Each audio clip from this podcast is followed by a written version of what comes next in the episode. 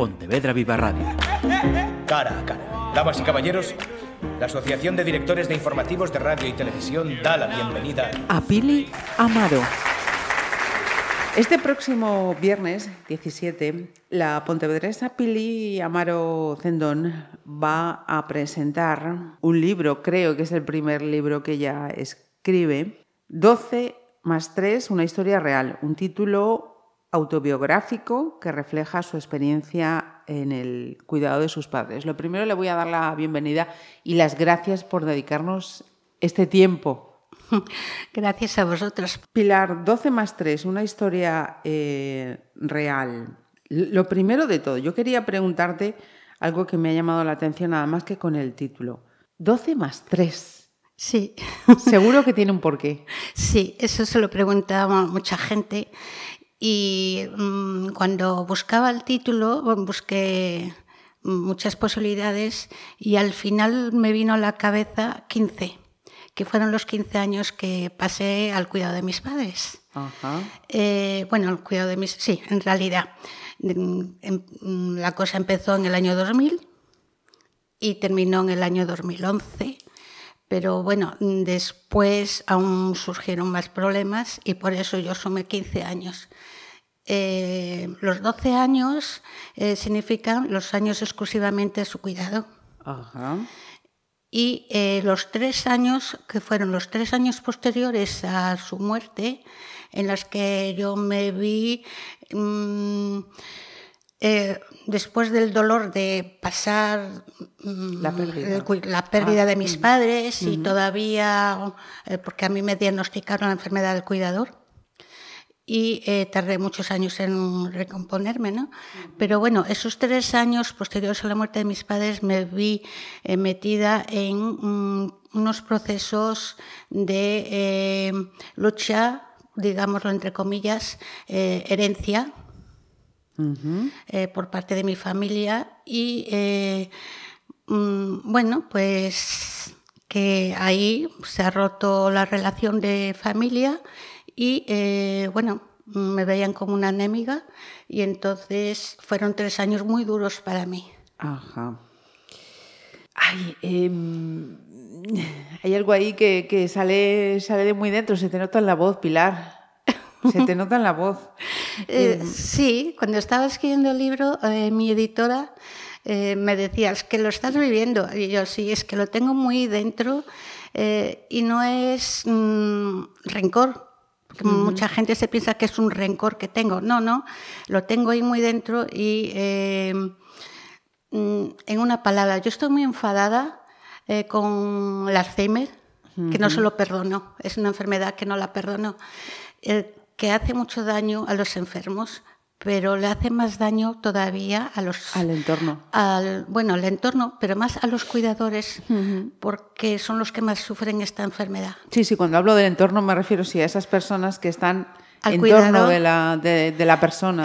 sí, 24-7 al cuidado de, de, su enfermo o de su enferma. Generalmente suele ser un familiar, si lo hay, y si no, pues eh, Luego, luego, quería, luego quería ir por ahí, sí, porque me imaginaba que, íbamos a ir por esos derroteros.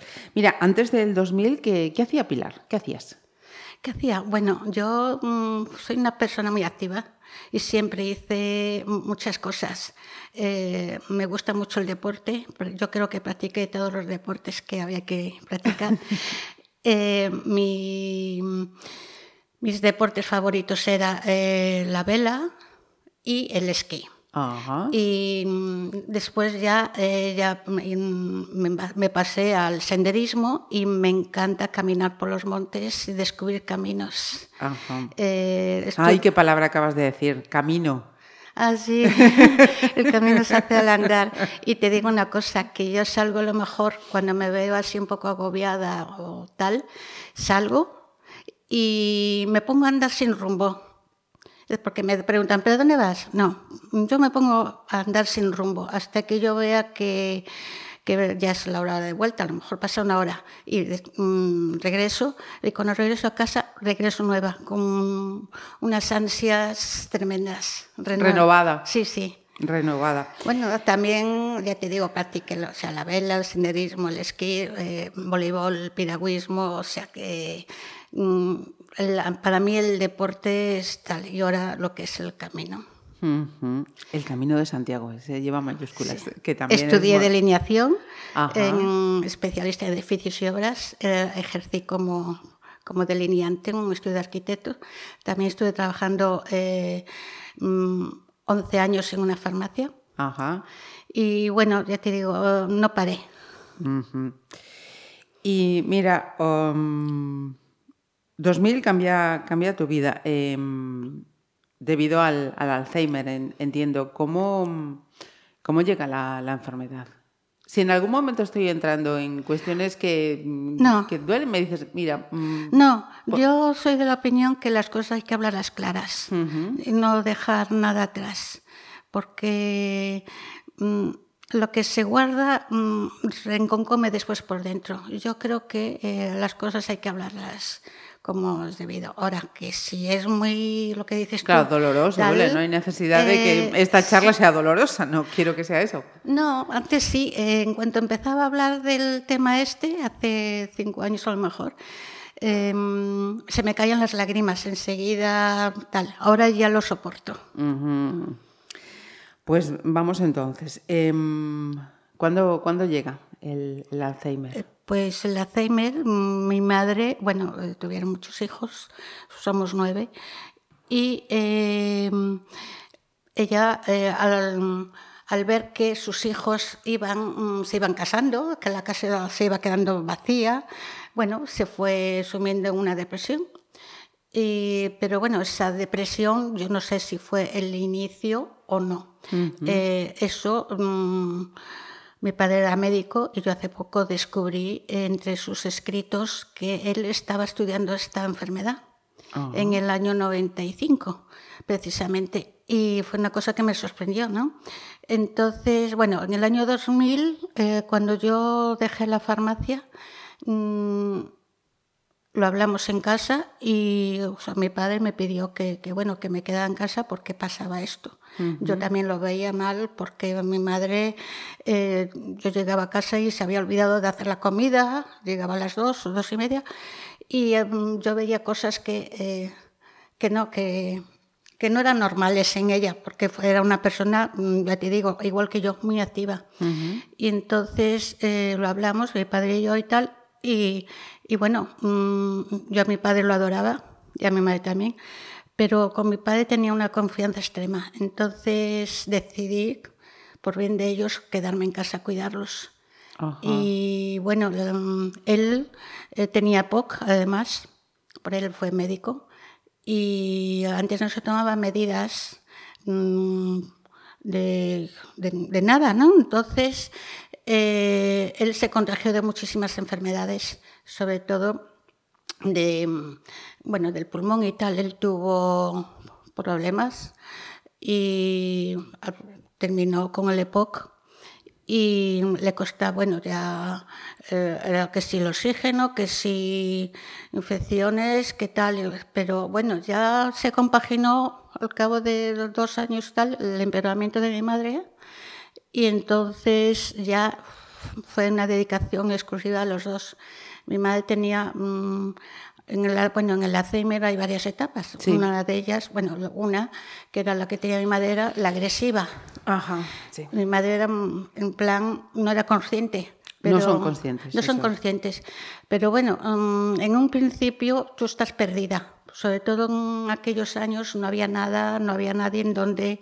Eh, Buscar qué es lo que estaba pasando. Eh, sí, eh, información no sabías lo que estaba pasando. Entonces, mm, yo digo, es que estaba haciendo lo contrario de lo que digo ahora, ¿no? Pero, pero bueno, que poco a poco la cosa, mm, entonces asistí a un curso de, que organizó el ayuntamiento para enfermos de Alzheimer, eh, que fueron tres meses, y ahí nos mm, juntamos un grupo de personas que fue cuando decidimos al terminar el curso de hacer a FAPO. sí. Eh, hablando de esta, de esta enfermedad, em, yo creo que mm, cualquier enfermedad eh, degenerativa, mm, e, e, es cruel, ¿no? Pero, y por ejemplo, pues todos pensamos en el cáncer, que incluso a día de hoy nos cuesta mm, nombrar la palabra. Seguimos viendo, pues falleció de una larga enfermedad. No, mm, vamos a llamar, como dice, las cosas por su nombre. Y yo entiendo que es muy doloroso eh, esta enfermedad, pero doloroso en el sentido de, cruel. Pero creo que, el Alzheimer a, día de hoy es igual o más de cruel, pero ya no solo con el enfermo, sino con las personas más cercanas. Sí, el cáncer mm, es muy duro, pero a diferencia del Alzheimer, es lo que decimos siempre, que eh, el Alzheimer a veces tiene cura, el, cáncer, pero el Alzheimer no. Y el Alzheimer va a peor. Eh, en el cáncer eh, tienes a mucha gente a tu alrededor que te apoya, que todo el mundo está dispuesto con el enfermo, con la familia, tal. En el Alzheimer no, todo lo contrario, que es lo que te decía antes, se destruyen familias y estamos solos. Y, bueno, después del cáncer es la, segunda enfermedad más destructiva que hay. Em, decías. Em, bueno, perdón. sí, nada. Sí, sí, sí que por favor, que Pilar, no, no, no, que importa lo que tú digas. En el cáncer, como verás, eh, cuentan con voluntarios. en el Alzheimer no hay manera de tener voluntarios, porque los únicos voluntarios que pueden estar eh, son los familiares, ¿no? los familiares y amigos de esta del enfermo o de la enferma pero el cuidador o cuidadora queda tan quemado, tan quemado de... De, estar ahí 24/7, como 24/7, sí, que cuando muere el, su familiar, pues no quiere saber nada del tema cogen, o sea, no es que no quieren saber nada. De defensa, ¿no? Sí, mm, mm. se quieren olvidar del, Mm, del asunto y, abandonan y no quieren, es que no quieren saber nada. Tú me decías antes, eh, me, diagnosticaron la enfermedad del cuidador. Sí. Cuéntanos, por favor. A ver, eh, lo que te decía hace, hace nada, em, te quema, te quema por dentro, eh, son 24/7 el cuidado de tu familiar, en este caso de mis padres, y son mm, muchas horas. Yo decía que no me llegaban las horas, que yo necesitaba 25, 26 horas al día mm, para estar con ellos. Eh, lo ves egoísta por su parte, pero, mm, pero no, es que ellos lo que quieren es que tú les eh, prestes eh, atención y los cuidados que ellos, porque se desesperan o tal y entonces estás día y noche, día y noche. Yo había noches que no, ni me acostaba, me sentaba en una silla y en los últimos años de vida de mis padres, yo es que iba de silla a silla, de habitación en habitación, porque eh, tuve que ponerlos por necesidad en habitaciones diferentes. Entonces, había días, o sea, había noches que yo no dormía por estar pendiente de ellos. Eh, no cuentas con esa ayuda, te desesperas porque quieres hacer mejor, quieres prestarle más atención, pero no puedes, no llegas, no llegas a lo que quieres hacer. Crees que lo estás haciendo mal, entonces te vuelcas tanto, tanto, tanto que una vez que faltan eh, te viene eh, ese bajón de que te faltan ellos y que eh, Mm, estás muy ese motivo que ha ocupado las 24 horas de repente yo me vi en un pozo sin fondo que me costó me costó mucho mucho salir. Y, claro eh, sin la ayuda de mis seres queridos pues fue peor. Esa frase tan repetida de quién cuida al cuidador mm, tú has encontrado Pilar que, mm, que la respuesta haya cambiado haya variado en pues en estas últimas décadas desde el 2000, bueno, 11 más, más esos tres posteriores. ¿Has visto que haya cambiado algo o seguimos a, los eh, mismos niveles? Mm, cuando me hacen esta pregunta yo me río un poquito porque eh, los primeros años, dos o tres primeros años, cuando fundamos la asociación de AFAPO, poníamos unas mesas eh, informativas por Pontevedra. Entonces eh, notábamos que la gente cruzaba de acera Mm, o se alejaban de la mesa oh. y nos extrañaba muchísimo. Yo me acuerdo una señora que le fui a dar información, se quedó mirando para nosotros y yo le dije, necesita información sobre la enfermedad. Y se me puso a gritar, no te me acerques, no te me acerques. Y claro, yo me quedé, madre mía, ni que fuéramos unos apestados. Em, todavía no había la conciencia de, la enfermedad. Se creía que era, no sé, eh, contagiosa, no sé qué. Pero ahora no, ahora ya las, estos... Contagiosa. Sí, no sé, lo veían como una peste, digámoslo de esa manera, ¿no? Y nos dolía. Eh, pero bueno, nosotros seguimos luchando, luchando y hoy, gracias a Dios, está muy concienciada y eh, la gente ya viene, ya viene a las mesas, que informativas, mm, nos preguntan, nos ayudan. Eh, la verdad, hay mucha, hay mucha diferencia en unos años. Eh, se pasó la total incomprensión eh, a estar mm, que no sabes qué es, qué es lo que pasa, qué va a pasar, a estar mm, la gente que ya quiere informarse, quiere saber de, esto y vienen a pedir ayuda. Claro, pero eh, ¿ha habido cambio en cuanto al conocimiento del Alzheimer? Que eso creo que sí. Vamos sabiendo, por lo menos... Mm, Em, sabiendo eh, a qué nos enfrentamos, yo te preguntaba sobre todo a vosotros, a las personas que estáis dedicadas. ¿Habéis encontrado un cambio? Y cuando digo cambio, pues ya no solamente tiene que ser en la percepción social, sino en las eh, ayudas eh, privadas, públicas, institucionales, de todo tipo. Sí, pero digamos que pedimos más, no son suficientes no son suficientes en comparación con, con las ayudas que le prestan a otras enfermedades, otras cosas, pero mm, pedimos más. Por ejemplo, en AFAPO queremos una unidad especial, especial del Alzheimer en el hospital, por ejemplo. Porque es que no es lo mismo un enfermo de Alzheimer que, mm, que la chochez que puede tener otra persona o Mm, es que es muy distinto, es eh, totalmente distinto. Eh, un enfermo de Alzheimer exige eh, otras, otros cuidados, otras atenciones y, otras comprensiones que no lo tienen tal. también te puedo decir que hoy en día todavía hay familias que ocultan la enfermedad, sí, sí, y los tienen encerrados en su casa por, por vergüenza a lo mejor y es una pena porque es que se le retrasa. Hoy en día, se le, con los instrumentos que tenemos en las asociaciones, eh, se les va retrasando la enfermedad, la medicación. Yo cuando mi madre empezó, eh, em, fue cuando empezaron los, la medicación mm, exclusiva para el Alzheimer. ¿no? Y se, yo a mi madre se lo noté porque estaba más... Eh, pasó de, de ser... Mm, una persona ahí quieta, sentada en un sillón sin más, a ser una persona activa en la que, por ejemplo, en los talleres colaboraba.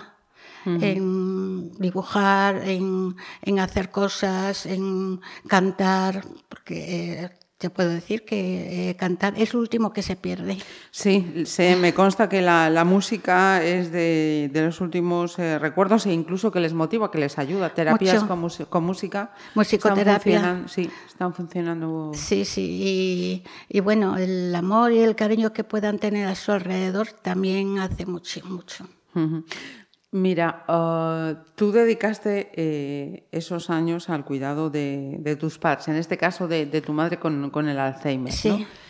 Em, pero, mm, ¿qué es lo que pasa o, en qué situación están eh, esas personas que mm, de repente ven diagnosticada esta enfermedad en, sus progenitores, en, sus eh, familiares, en un, en un familiar? Pero no se pueden permitir decir, bueno, dejo lo que estaba haciendo hasta ahora para dedicarme a ellos. Claro, es que es muy difícil, porque si tú trabajas, no puedes compaginar el cuidado mm, con el trabajo.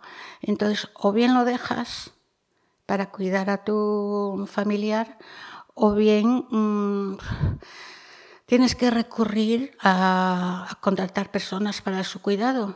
Y, bueno, el gasto es, una barbaridad porque, bueno, hoy en día hay cosas que no las sufraga la seguridad social. Entonces es, es muchísimo gasto. Eh, yo si tenía que ir a un recado, pues tenía que pagarle a una persona eh, a lo mejor 50 euros por una hora. Y, mm, y eso estaríamos hablando del mínimo de los gastos. Si estamos hablando de que requiere 24 horas cada día, estamos hablando de otro tipo de, de ayudas que no son accesibles para todo el mundo. Y eso hay que decirlo. Y ahora mismo em, no hay una, oferta suficiente para dar cobertura de calidad, una calidad de vida a estas personas. No, al que eh, cuida y al enfermo, las dos cosas. A ninguno de los dos. El, enfermo o el cuidador es el gran olvidado hoy en día de la enfermedad del Alzheimer. Y mm, sufre mucho, la verdad. Eh, yo te puedo contar un caso que, de, muy cercano. Bueno, hay muchos casos que, bueno, los tenemos ahí, pero este, el, era el matrimonio, ella enfermó y cuando ya no podía asistir al centro, pues estaba en el centro de día, eh, haciendo los talleres y tal para estimularlos, porque allí se estimulan, se reciben todo el cariño del mundo. Entonces, eh, claro, se ven en la postura de eh, tener que ingresar a una residencia, porque no puede, pues eran mayores, él no podía cuidar a su mujer en casa, era imposible, no tenía eh, para pagar a, otra persona que le ayudara. Entonces, hoy en día mm, las residencias están muy caras. La pensión que tenía este hombre no le llegaba a pagar la residencia donde poder tener a su mujer cuidándola. Es que entramos en terrenos muy, muy escabrosos, muy complicados, muy duros, que además a mí me, me cabrean, me cabrean mucho. Muchísimo. Yo me cabraba mucho, pero ahora me lo tomo con más filosofía, yo creo, porque, bueno, pues ya, lo que pasa es que la filosofía está bien, pero el día a día y las situaciones a las que hay que hacer frente. Sí, eh, otra cosa que yo me he vuelto muy sensible. Sí. Muy, muy, muy sensible. Entonces, cualquier cosa, yo no, veo una, no puedo ver una discusión, una pelea, eh, me pongo me pongo mal. Eh, entonces, la sensibilidad la tengo a flor de piel. Mira, vamos a volver al, libro, mm, porque para hablar de enfermedad, pues, pues podemos eh, remitir a especialistas, a médicos o a entidades donde se puedan informar y, tener todos los detalles que quieran. A FAPO, eh, para empezar, que seguro que, que, os aconsejan bien. He visto que decidiste escribir este libro a modo de cartas. Sí, bueno, la idea es que eh, una persona muy querida mm, me decía, Pili, eh, tú escribe cartas, escribe, escribe todo lo que te pasa por la cabeza, todo lo que te pasa eh, a tu alrededor, lo que te sucede, mm, lo malo, lo peor y lo bueno y tal. Mm. Y, y mándalas. entonces, bueno, yo sí iba escribiendo una libreta, iba escribiendo todo lo que me estaba como un diario digámoslo así, y, em, y ahí quedó. Entonces, eh, como digo yo, después de 10 años, al final me he decidido, una vez vi una noticia eh, de una editorial, entonces yo les escribí, decirme, mm, tengo, mm, tengo esto y no sé si sería posible. Eh, publicar. publicar un libro con, con, este material y tal, y me contestaron y me dijeron mm. que estaban muy interesados en ello. Entonces ahí ya me animé, ya me metí y eh, claro, en principio iba a ser un, o sea, iba a contar lo normal, pero después eh, la editora me decía, ¿tú no decías que tenías ahí cartas y tal? Y yo sí. bueno, pues mira, la podemos enfocar en este tipo, en esas cartas que tú le escribías, que escribías, pues eh, se enfocan tal. Y eh, yo, mis años mm, hasta hace poco, eh, yo era Pilar para todo. Entonces, eh, para mí el nombre de Pilar significa em, mucho dolor, eh, porque fueron unos años muy difíciles. Entonces yo le escribía a Pili em, lo que me estaba sucediendo día a día, semana a semana, o sea, de una manera que no tenía donde desahogarme, entonces me desahogaba con Pili. Y eh, al, final de todo, pues la última carta, pues eh, no firmó Pilar, firmó Pili, porque le escribo a Pilar despidiéndome de ella. Muy bien. Pues mm, Pili, entiendo que para ti ha mm. sido em, una terapia muy beneficiosa. No sabes tú lo bien. sí, sí, sí. Me, fue de Además es que muchas veces es que yo le daba el trabajo a la editora hecho. Eh, se, lo, se lo escribía y se lo mandaba y me decía, pero tú cómo tienes tanta cosa en la cabeza? Y yo, es que me sale de, me sale de lo más profundo. Te, lo tengo ahí y, y me sale, me ayudo con las anotaciones que tengo, pero eh, son cosas que he vivido tan profundamente que, eh, que bueno, me salían mm, así sin más. Em, Fue bastante duro por momentos. Claro, ¿eh? claro seguro que sí. Porque yo lo escribía y tal, y después eh, lo escribía según me iba saliendo. Pero después lo leía y muchas veces acababa llorando. dije yo, jolín, ¿cómo precisamente, precisamente por eso, ¿no? Algo terapéutico es eh, aquella técnica que te ayuda a salir de ese dolor, de ese mal que... Sí, lo chisto fuera. Además que eh, espero que esto sirva para eh, hacer comprender y entender a la gente lo que sufrimos los cuidadores. Mira, eh, las personas que han tenido la ocasión de leer este libro, ¿qué te están diciendo? Mm, pues, a ver, eh, muy pocas personas lo han leído. Una amiga mía eh, que está, está, fuera y entonces fue la primera que se lo di. ella que se veía, mm, se veía en su, se identificaba totalmente porque estaba pasando exactamente lo mismo. Entonces se identificaba y aunque conocía mi historia, em, se sorprendió muchísimo de, cosas. Eh, otra persona también muy querida para mí, em, eh, Pili. Yo sabía lo que había pasado, lo que habías pasado, pero no sabía que era tanto. Mira, vamos para ir terminando. Recuérdanos eh, dónde eh, y a qué hora va a ser esta presentación de este viernes. Bueno, es el viernes en la banca, en la tercera planta, a las siete y media. En el edificio aquí, junto a la Plaza de los Músicos, el edificio central, vamos, en el Centro Cultural. Sí, donde está el... Sí, sí. El auditorio. El auditorio, donde hacemos las galas benéficas todos los años, el Día Mundial del Alzheimer, pero es en la tercera planta. Ajá.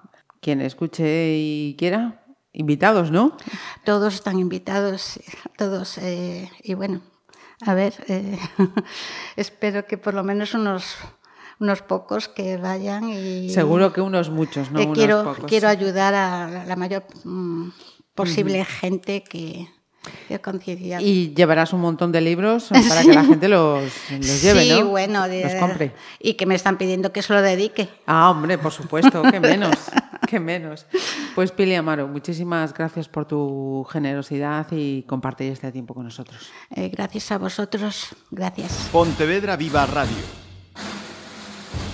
¿Me permiten que les haga un comentario como espectadores del programa Cara a Cara? Según un reciente sondeo de mercado, Ustedes disponen de estudios e inteligencias superiores a la media. Sus intereses abarcan desde la actualidad mundial y la ciencia hasta el deporte y los espectáculos.